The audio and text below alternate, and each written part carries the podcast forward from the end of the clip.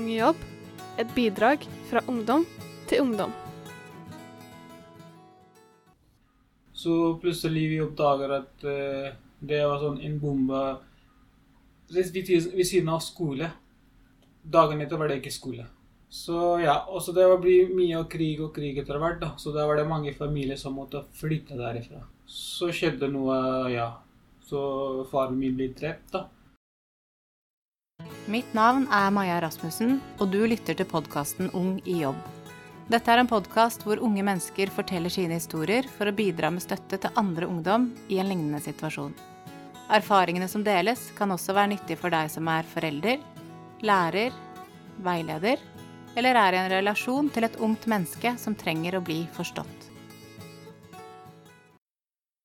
I denne episoden blir du kjent med Janis og Amanuel. De kom til Norge alene som flyktninger, og du skal få høre om deres bakgrunn, flukt og møte med Norge og arbeidslivet.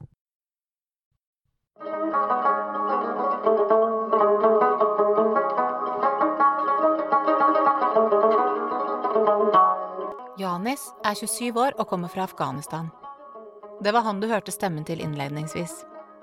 Han hadde en fin oppvekst i et stort hus på landsbygda med tre søsken og begge foreldrene. De måtte forlate huset og alt de eide den dagen Taliban kom i 2008. Og sammen flyktet de inn til byen. Men faren til Janis jobbet for staten og sto på terroristenes dødsliste.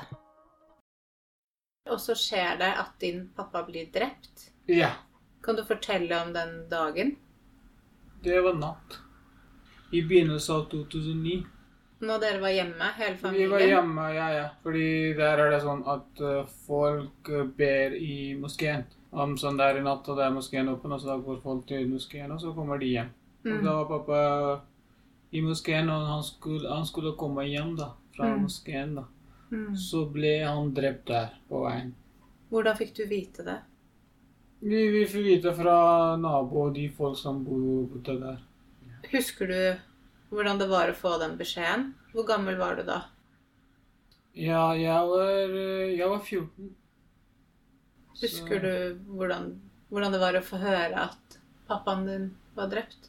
Ja, det jeg hørte først, jeg tenkte nei, det er kanskje det. Vi, vi har sett han nå for en time siden, så det er, Mm. er det ikke mulig. Men eh, det var i tankene at ja, nå som det går så mye siden krig og så mye bomber og så mye drept og sånne ting, Mm. så da, da hadde jeg tenkt med en gang at ja, kanskje. Det var den verste, verste dagen, for å si det sånn.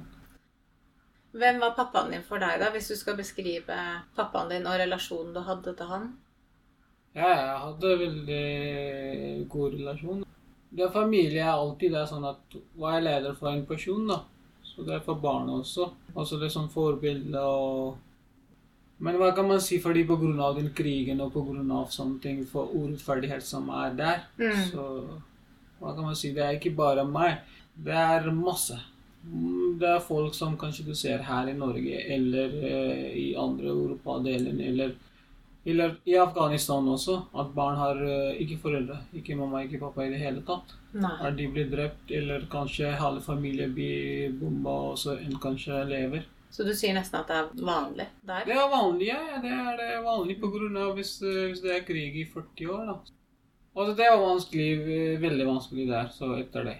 Etter det vi hadde, vi hadde, ja, vi hadde veldig vanskelig både økonomisk og både for leve.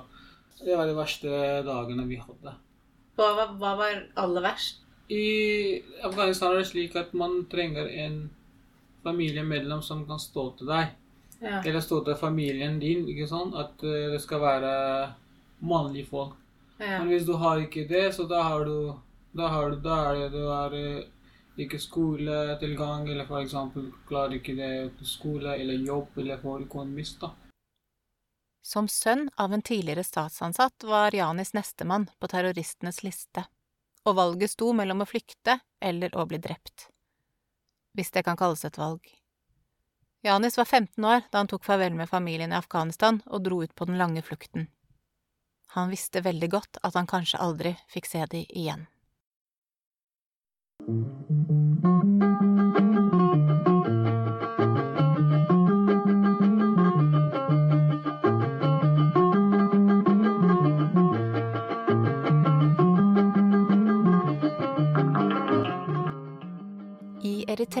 Bodde Amanuel, som nå er 32 år, sammen med sine fire søsken og foreldre. Han er lillebror, og han får bare ett år sammen med faren sin før krigen også krever hans liv. Fra 1991 var det fredstilstand i Eritrea, men i 1998 blusset krigen opp igjen. Da var Amanuel 18 år. Så hva, hva merket du? Hva skjedde? Ah, det var dårlig. Det var dårlig. Det var masse folk som har dødd. Og så masse folk flytter fra sted til sted. Mm. For det er Nei. Det er veldig, veldig dårlig. Det er veldig dårlig. Åh, Men var det uro i, i landsbyen der hvor du bodde nå? Jepp, fordi det er broren min akkurat som den krigen. For hun er militær. Så det er etter ferdig den krigen, han flyttet til Norge. 2004 eller 2005. Kom han hit før deg? Ja. Men så forteller du at du, du ble innkalt til militæret. Jo, jeg har uh, litt militær, men jeg klarer ikke. Jeg, jeg vil ikke den. Nei, Jeg men du var der lite grann. Ja, jeg var litt, Hva, men hva gjorde du når du var der? Hva? Bare forsvar. Noen sted til sted. Det er dårlig. Så. Hvordan er det når man skal i militæret i Eritrea? Hva er liksom regelen for det? Det er ikke regler, tror jeg. Nei. For det er vanskelig. Når jeg er ferdig, jeg vet ikke. Det er hele år. Hele liv. Hele livet? Ja. Så Får man lønn for å være Nei, ikke. Så da mister man kontakt med familie og alt Ja. når man går i militæret? Ja. ja. Ja jeg husker at jeg er militær. Jeg tilbake hjemme, hjemme etter ett år eller to år. Jeg har ikke telefon, det er ikke noen brev. Nei. Nei. Så det er ikke kontakt. Men er det sånn at alle gutter i Eritrea Det er militær. må i militæret? Nå må etter 18 år, Ja. må Det gjelder absolutt alle Absolutt. gutter. Ja, absolutt. Eller jenter. Jenter også? Ja, ja. Like mange jenter som gutter? Jo, jo. Okay. Ja. Hvis de har for, for eksempel jente fått barn eller noen, Ja. litt bedre. Litt. Ikke så mye, men litt. ja. Noen kontorer Og sånn har det vært lenge. Så lenge det har vært krig, men også når det har vært fred, så har alle måttet dra i militæret. Ja. Mm. Hva skjer hvis man ikke vil i militæret? Oi, du må. Hva skjer hvis man nekter? Ja, det er fengsel eller noe. Så hva, hva, hva var grunnen til at du valgte å dra fra hjemlandet ditt? Og nå? Fordi jeg liker ikke militæret. Så jeg liker bare skole eller noen jobber, ikke sant? Det Så var det pga. militæret Ja, ja. at du dro? Ja, Mm. det var militæret. Og da bestemte du deg for å dra. Hvor gammel var du da? Og jeg er 18 år. 18. Ja, 18-19 år. Amanuel flyktet over grensen fra Eritrea til Sudan. Det er en ti dager lang tur til fots. Han oppholdt seg i Sudan i ett år, men levde under konstant frykt for å bli innhentet av det eritreiske militæret. Etter å ha tjent inn litt penger som renholder og lagermedarbeider, flyktet han videre inn i Libya. Fra Afghanistan flyktet Janis via Iran og videre til Tyrkia. Det var en uke til fots, uten pass, visum, mat eller drikke. Når Janis tenker tilbake på det nå, så skjønner han ikke hvordan han overlevde. Han kjøpte forfalskede papirer av smuglere for pengene moren hadde sendt med han etter å ha solgt alt hun eide. Reisen kostet over 10 000 dollar den gangen for tolv år siden.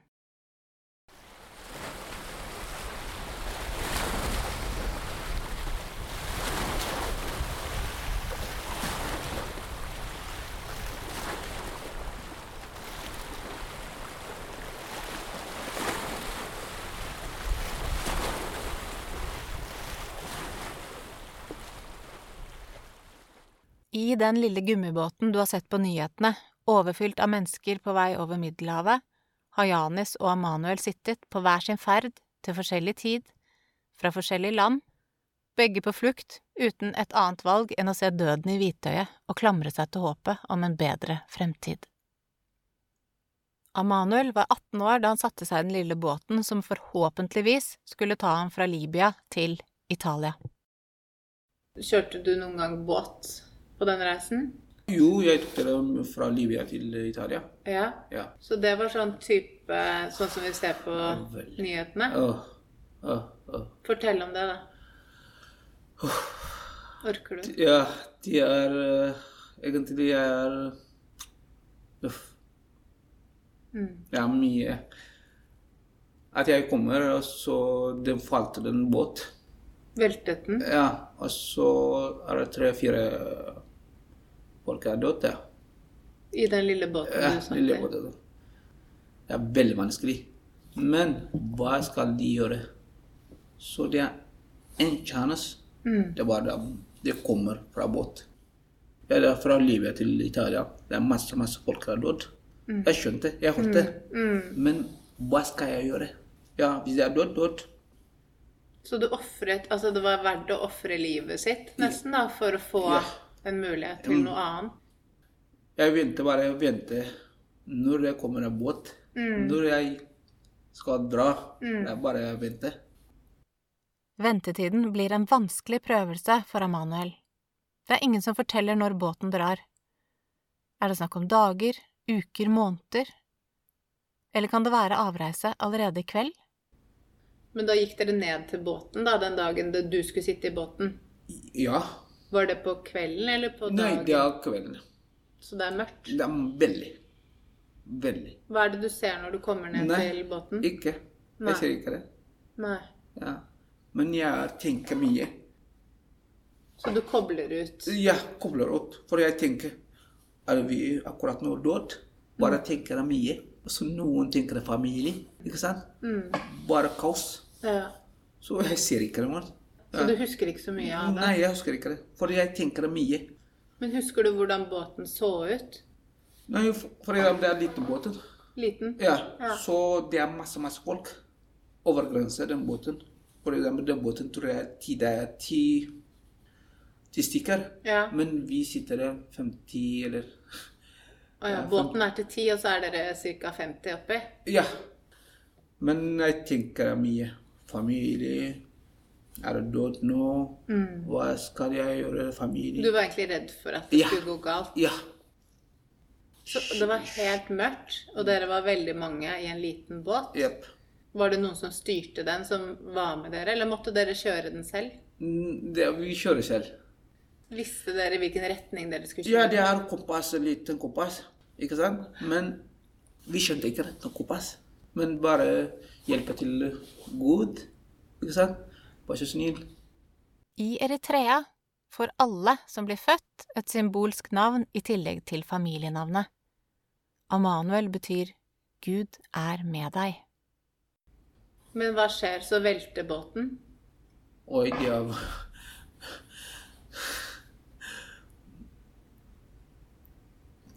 Ja, men de er mm. Hvis jeg husker det er litt Noen Noen falt ut? Ja. Akkurat som meg. Fire sikre lort. Mm. Så det var vanskelig. Egentlig det er veldig vanskelig. Veldig, veldig vanskelig. Så det var fire som falt ut av båten og Ja, døde? ja. Fordi det er båten, de har beveget seg Mm. opp og ned, ikke sant? Da var det noen som bikket over Jepp, selvfølgelig. Kan du tenke hvor lang tid det tok før dere kom over til Italia? Er to dager. ja. Det er lenge. Lenge, tror jeg. Hvordan, hvordan var liksom stemningen på båten i de dagene? Var folk rolige, eller hadde de panikk? Ja, det er rolige. Ja. Rolig? Ja. Bare helt ja. Bare Gud. Det var Gud som ja, måtte hjelpe dere? Ja. ja. Var det mange barn i båten? Jepp. Ja. Barn eh, gravid. Så etter sånn to-tre dager så kom dere i land, da. Hva skjedde da, når dere kom i land? Ja, men de kommer og hjelper. Da kommer det noen? Ja, hjelper også mat, Mm. Klar. Fra et sted i Tyrkia satte Jani seg i en gummibåt med håp om å komme seg over til Hellas. Kom du der med båt over til Hellas? Ja, med Ja. gummibåten. Gummibåten. Ja, det, Hvordan, kan du fortelle litt om hvordan det var? Da jeg kom til Tyrkia, så vi, vi var på en leilighet med smuglere, så fikk fikk vi beskjed at uh, vi skal til Hellas i natt. Altså det var en natt sånn klokka var rundt sånn ni-tida. Og så tok vi sånn, uh, sånn småbuss. Og så vi var mange der inne. Så det var nesten ikke plass, da. Så ja, så kom vi til et sted da at vi tar båt derifra. Så vi måtte gå kanskje en time for å være i det stedet. Og det var mye vann og sånn, da. Så da jeg kom til den båten, så jeg båten som var litt sånn småbåt. Og jeg tenkte Jeg tror det var 24-25 stykker. Og så de sa den båten, og så da er det det Hellas der, vi, der eh, på andre sida. Jeg nekta i begynnelsen at jeg nei, jeg vil ikke. Fordi det var Jeg hørte den der eh, lyden av vann. Og jeg tenkte nei, den båten, vi klarer ikke oss, da. Og så Vi var to gutter der, at eh, vi var på samme alder, rundt 15. Altså, vi nekta at vi nei, vi, vi ville ikke. Så Det var ikke noe, ikke noe valg, det var bare å sette oss der. Så dere dro ut i Ja, mørket ja, ja. i en Mm. veldig liten gummibåt eh, om natta, og det var urolig sjø. Veldig urolige. Så dere hadde ikke med dere en guide over Nei, nei, nei, nei, vi Det var ikke. ingen som los, loset dere over vannet? Dere ble bare satt i en båt Ja, og så ja, ja. dyttet ut? Ja, ja. Etter to timer på åpent hav gikk de tom for bensin og ble drivende rundt, uten årer eller mulighet til å styre båten. De kom omsider til noen klipper og gikk i land på det som skulle vise seg å være en gresk øy. Derfra begynte de å vandre, i fem dager uten mat og drikke, til de ble funnet. Og etter noen dager, jeg tror det var fem dager, så husker jeg ikke de, dagene, da finner oss da. Politiet finner oss der. Så der finner de oss, og så kommer de og sparker oss. Jeg klarte ikke å forklare. Jeg klarte ikke å snakke med dem da, fordi det var, ja, jeg hadde ikke noe energi og ingenting. Nei, det var, de tok oss videre til en stor by, og det var først var det til en mottak. Et slags eh, Ja, yeah. i Hellas? Ja, Da fikk dere litt mat og litt vann? Der, ja, der fikk vi det. Der yeah. fikk vi mat og litt der, og litt sånn medisin og sånne ting. da. Jeg husker det var også noe folk som var fra Ikke fra Hellas, men de var for flyktninghjelp, som det kalles i dag. og sånn det, De var der til stede. og... Sånn type internasjonal bistand? Ja, jeg tror det var sånn internasjonalt. Det, jeg, jeg husker jeg forklarte det, det med at det som skjedde med oss, da. Så fra du var der i flyktningleiren i Hellas til du kom deg til Norge, hva, hva skjedde mellom der? Fra Hellas til Italia var det også en lang reise med en eh, lastebil. Eh, underlastebil, da. In, under der var litt sånn kasse, jeg vet ikke hva det heter, den kassen der. Var Som dere gikk inn i og la dere inn inn der, i? ja. ja. Ja. Og så han som kjørte den der lastebilen, han visste det. Så han smug, smuglet dere Ja, ja, ja, det var der. Og så og fikk penger for det? Ja, Mm. fikk penger for det. Og så Jeg husker det var en natt ti tida. Klokka ti gikk vi inn da. Og så jeg husker ikke at det var en dag, to, tre eller fire. Det husker jeg ikke helt. da. Fra sitt skjulested under lastebilen la Janis merke til at de kjørte av og på flere ferger før de kom til Italia. En slags gresk øyhopping hvor han lå og lyttet til lyder fra en trang kasse sammen med fire andre uten å veksle et ord. Dette var i juni, og dekket var trolig allerede fylt opp av glade sommerturister som var på vei til eller fra sine etterlengtede ferier på de greske øyer. Men hvordan var det du bestemte deg for hvor du skulle dra? Nei, det var det Det var ikke bestemt at hvor jeg skulle dra. Altså, Da jeg kom til Italia, hadde jeg tenkt ok, her er kanskje kan det være her. Men eh, så tenkte jeg nei, det var, det, det var folk Det var, det, det var flyktninggreier og i Italia òg. At folk så ut på gata og sånne ting. De tenkte ok, da, hvor skal jeg videre nå? Det var Paris. Det var, jeg tror det var åtte, åtte timer reise med tog. Mm. Så det var en mann som kjøpte billett for meg. Jeg vet ikke hvem han var, men jeg spurte han kjøpte billett for meg. Så reiste jeg. Kom jeg til Frankrike. Så går jeg og spør at er så Hvor skal jeg nå? Er det Mm. et sted at jeg kan sove, dusje eller sånn? Nå er jeg sliten. Fordi jeg, jeg klarte ikke det. At jeg tenkte nei, nå nei, går ikke. Så jeg er veldig sliten. Så opplever jeg samme som folk sover ute på gata. Altså jeg bare Jeg husker at jeg i Frankrike jeg gikk rundt i gaten hele natt og Mm. sov ute, og kom politi og uh, ikke, det er ikke lov å sove her og sove inn på togstasjon og Så både Italia Både Italia og og- Frankrike ja. opplevde du at eh, du hadde ikke noe sted Nei. å gjøre av deg? Nei, Og det var ingen som tok deg imot? Det var ikke noe system for å nei, nei få var det. deg Mm. inn et sted og gi deg noe mat og drikke og Nei, nei, sånn? nei, der var det ingen system, ingenting. Jeg husker jeg var syk noen dager, og så fikk jeg ikke noe hjelp. og Da var jeg bestemt at jeg Jeg skal ikke være her i Frankrike i det hele tatt. Da går jeg videre. Janis drar videre til Belgia med tog, derfra til Tyskland, Danmark og Sverige. 3. november 2009 står han på Oslo S. I Italia møter han Manuel en mann som av barmhjertighet spanderer en flybillett til Stockholm. Derfra tar han toget til Norge, og i likhet med Janis er utgangspunktet Oslo S og Grønland politistasjon. Begge har opplevd vold og korrupsjon fra både militære og utenlandsk politi underveis på flukten. Men møtet med politiet på Grønland i Oslo blir en positiv opplevelse for begge. Hvordan var det å snakke med politiet da, første gangen? Jeg er redd, egentlig. Du var redd, ja? Ja, Mm. egentlig er jeg redd. Veldig. Fordi politiet i Eritrea er Ja, veldig annerledes? vanskelig. Ja. Men ble du godt tatt imot av politiet her? Ja, de er De snakker engelsk fra meg litt. Ja. Så de sa at du kan vente litt her. Så tolk kommer meg, og så han forklarer meg. Og så jeg forklarer til politiet. Jeg skjønte broren min her, Ja. men jeg har ikke telefon.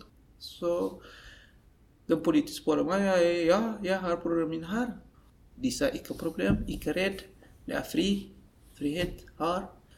Du kan ringe etterpå. Ikke problem. Og det er jeg veldig glad.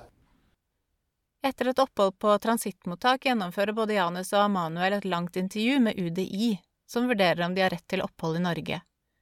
Janus flytter videre til Harstad, på asylmottak, for så å flytte til Tromsø under omsorg av barnevernet. For Amanuel går ferden videre til Rjukan og Notodden. Begge opplever oppholdet på asylmottak som en positiv opplevelse, og Janis går inn for å lære norsk. Hvordan hadde du det da, etter all den lange flukten? Ja, det Etter det jeg hadde Jeg hadde fint. Fordi Ja. der var det jeg fikk litt sånn motivasjon fra, fra mottak fra de ansatte som jobber med oss, da. Så fikk jeg motivasjon, så fikk jeg et nytt, sted å for å lære språk. Da har jeg muligheten når jeg lærer språk, og så går jeg kanskje begynner på skole. Syns du det var vanskelig, eller eh, gikk det greit å lære norsk? Det gikk, eh, det, var, det, det gikk rett. Det gikk, det gikk bra. Har du noen tips å gi til andre? For det, det er jo mange andre som syns det er veldig vanskelig å lære seg norsk språk. Ja, ja, det er eh, jeg, jeg har lært meg sånn at jeg leste sånn, sånn lett å lese. Det har jeg begynt å lese først, da. Mm. Sånn små historier og sånn. Med tekster. Barnebøker, nesten. Barnebøker og med bilder og sånn. Men var det sånn at du, du brukte mye tid på det hver dag? Fra åtte til ett var på skolen. Og så hadde jeg sånn lekser og, og leste litt på egen hånd. Kanskje litt på nett. Og, og så så jeg på mye sånn på TV. På nyheter og sånn. Da vi hadde en Lara som, som tipsa oss at vi kan lese de bokene. Og så den leksen som vi hadde fra skole. Og så prate norsk med hverandre. Du har blitt avskilt fra familien din i Afghanistan. Faren din er jo drept. Mm, Du har vært gjennom en vanskelig flukt Mm. og kommet til et fremmed land. mhm.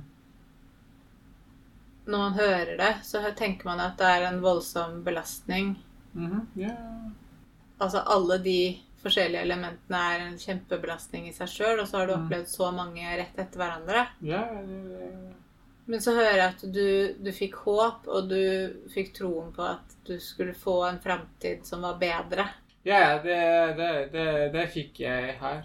Var det noen personer som du tenker deg var viktige for at du skulle få troa Først og fremst var det den politiet. Jeg tenkte ja. på Oslo S? På Oslo S, da. Og så etter det var ansatt eh, på mottaket. Og så det var det. Og så fikk jeg vergene og primærkontakt. Og, og så det, det var sånn rundt meg. Og da Ja. tenkte jeg ja, nå er jeg, jeg er på vei til å få hjelp. Det skal vise seg at både Janis og Emanuel på tidspunkt velger å flytte til Bærum.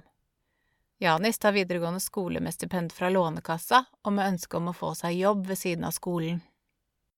Jeg tror det var 6600 som jeg fikk, og så betalte jeg 5000 til husleie. Og så jeg hadde 1500 for, bare for meg for å leve på. Eh, det var vanskelig, derfor jeg måtte søke Nav. Og der fikk jeg vite at her er det en sted som heter Ungejobb. At der kan du gå, og så kanskje de kan gi deg en, en jobb til deg, eller praksissted eller noe sånt. da. Så første gang du kom opp trappa her og møtte Mm. meg, det var i 2012. Det var 2012, ja. Hvordan syns du det var å jobbe uten lønn i praksis når du hadde så dårlig råd?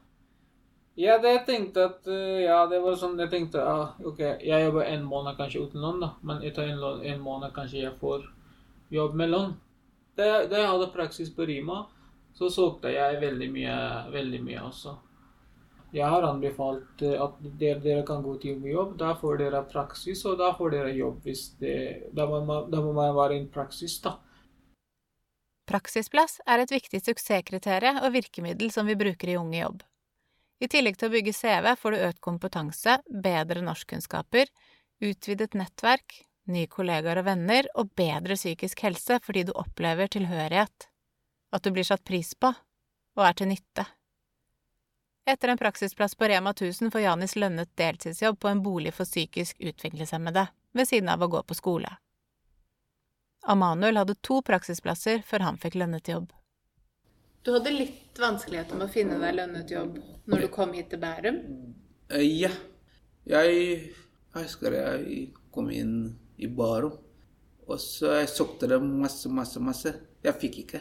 Så jeg kontaktet med Nav, men Ja. de ikke kontaktet egentlig med meg. Jeg hørte at jeg, de har ung jobb. Unge jobb. Ja, Ja. Og jeg er veldig glad. Jeg. Ja, jeg skal snakke med dem. Så jeg kommer akkurat hit. Jeg er tredje etasje oppe. ja. De sitter her, og så, så de sa kontakt med meg hver dag. Den Anders er veldig bra. ja. Veldig bra. Han er off. Anders er veilederen til Amanuel i Unge jobb. Egentlig ungehjelp.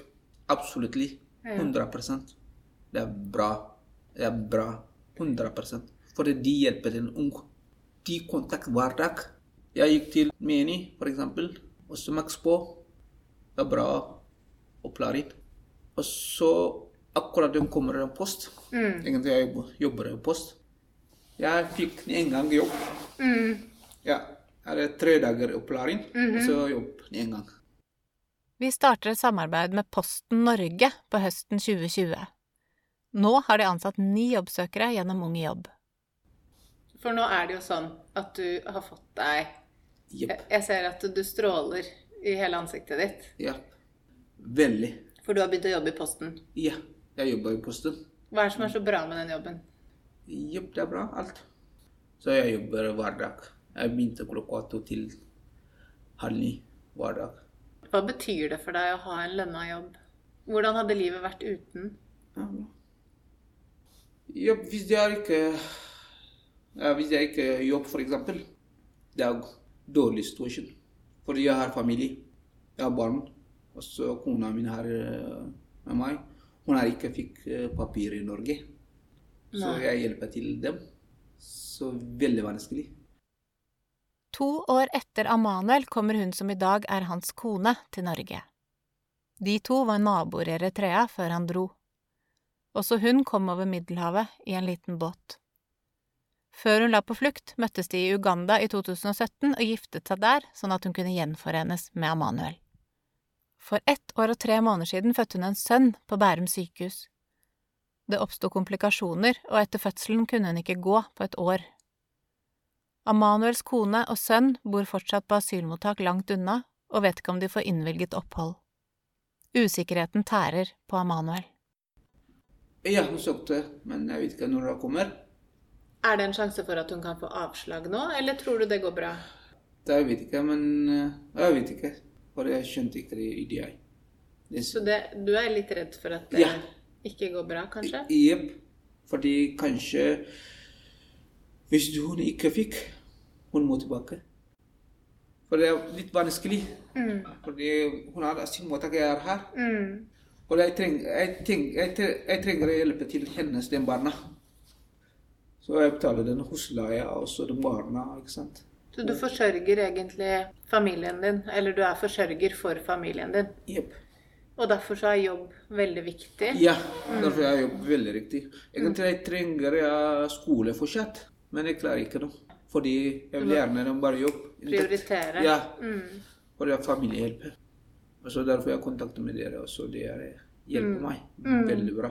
Egentlig dere er Uff, Mm. Er 100 ungjobb. Janis kom inn på høyskolen i Lillehammer og tok en bachelor i pedagogikk. Tilbake i Bærum etter studiene søkte han over 100 jobber uten å få napp. Etter åtte år møttes vi igjen. Og jeg husker Mm. når du kom opp igjen etter åtte år Jeg fikk litt inntrykk av at du var litt oppgitt. Mm -hmm. yeah. At du var litt nede. Ja. Du var litt trist. Mm. Yeah, ja, ja, ja. På grunn av at jeg tenkte at ja, nå har jeg studert, jeg har et fag, og jeg kan, jeg har kompetanse, jeg har alt, bra karakter, alt. Og så tenkte jeg jeg får ikke jobb, i hvert fall jeg får ikke intervju. Janis har selv opplevd diskriminering i flere ansettelsesprosesser, og han kjenner også mange som har opplevd det samme. Hvis du heter Ali Mohammed eller Ali det eller Mohammed Riyaz eller Mohammed Ahmed Zain og sånn, Ja. da er det litt vanskelig å få det på intervju. Hvorfor tror du arbeidsgiver som skal ansette noen, legger den bakerst i bunken? Den det står Ali Mohammed på. Nei, det har jeg ikke fant ut. Det, det Men jeg har spurt, og jeg har sagt at Men da får man svaret at nei, det er ikke slik. Janis fikk etter kort tid tilbud om praksis som støttelærer ved en videregående skole, og da tok det ikke mer enn et par uker før han ble innkalt til intervju på samme type stilling ved en barneskole. Men denne gangen med tilbud om ansettelse med lønn. Nå har han fått drømmejobben som pedagog og hjelper barn som sliter faglig og sosialt. Jeg trives godt her, og jeg kan leve hvordan jeg vil her. Mm. Du har det godt her i Norge nå. Ja, her. Og jeg bidrar på en måte. Jeg er også en del av det landet her. Når jeg sier at ja, jeg Eh, er både norsk og afghan, og det er både jeg er, jeg er stolt av det. Både Janis og Amanuel beskriver at de trives godt i Norge, og at det er her de skal være resten av livet. Det er ikke noe alternativ å dra hjem til opphavslandet, der de vil bli forfulgt av Taliban og militæret og miste sine muligheter, sin frihet og kanskje livet.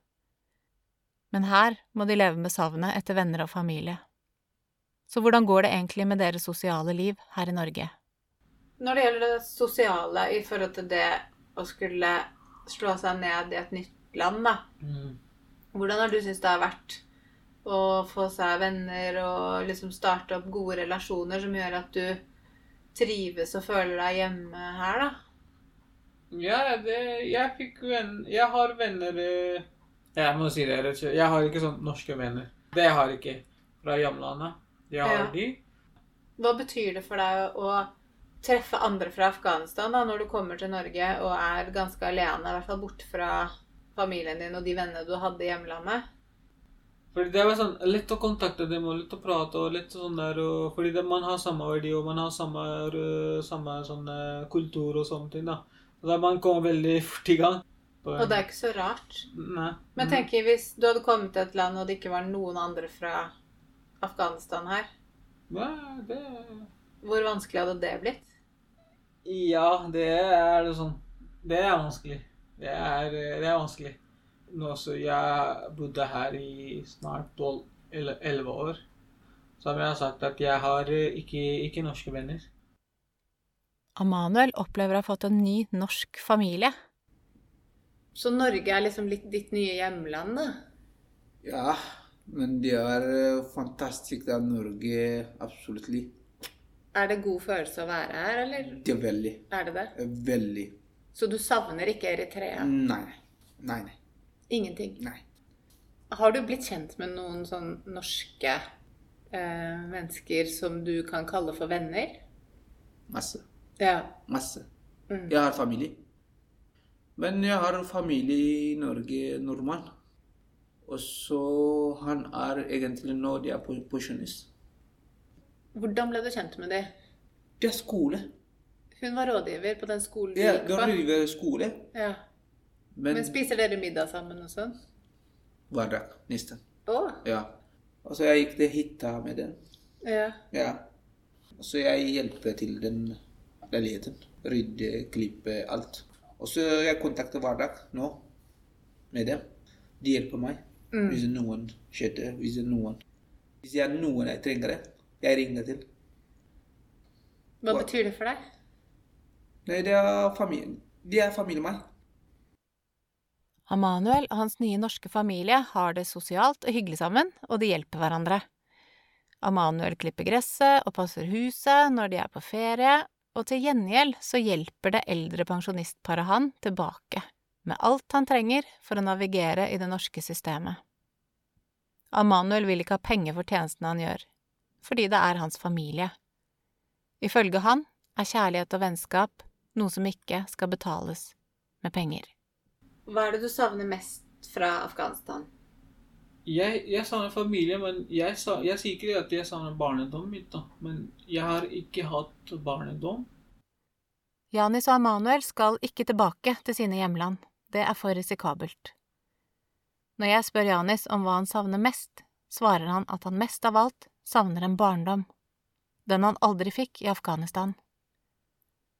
Emanuel er opptatt av kommunikasjon og har et stort sosialt nettverk i Norge, og her er hans oppskrift på hva som skal til. Så litt det er vanskelig i Norge, men det er ikke, ikke vanskelig. Hvis det er communication.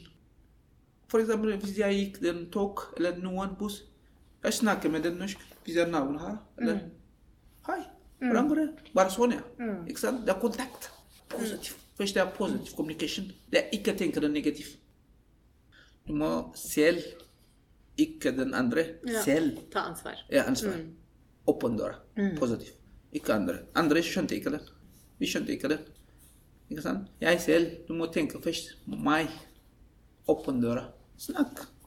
Prat. Det er en viktig erfaring. Ja, veldig. Og nå er du med på å bidra til at noen kan høre det og bli litt inspirert. Det er jeg sikker på. Ja. Ja. Men du, nå skal du snart på jobben, skal du ikke det? Jeg skal begynne klokka to. Ja.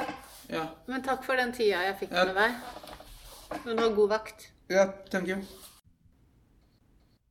Du har lyttet til podkasten Ung i jobb, en podkast med bidrag fra ungdom til ungdom. Ønsker du å vite mer om oss, kan du gå inn på vår hjemmeside ungijobb.no, eller følge oss på Facebook eller Instagram.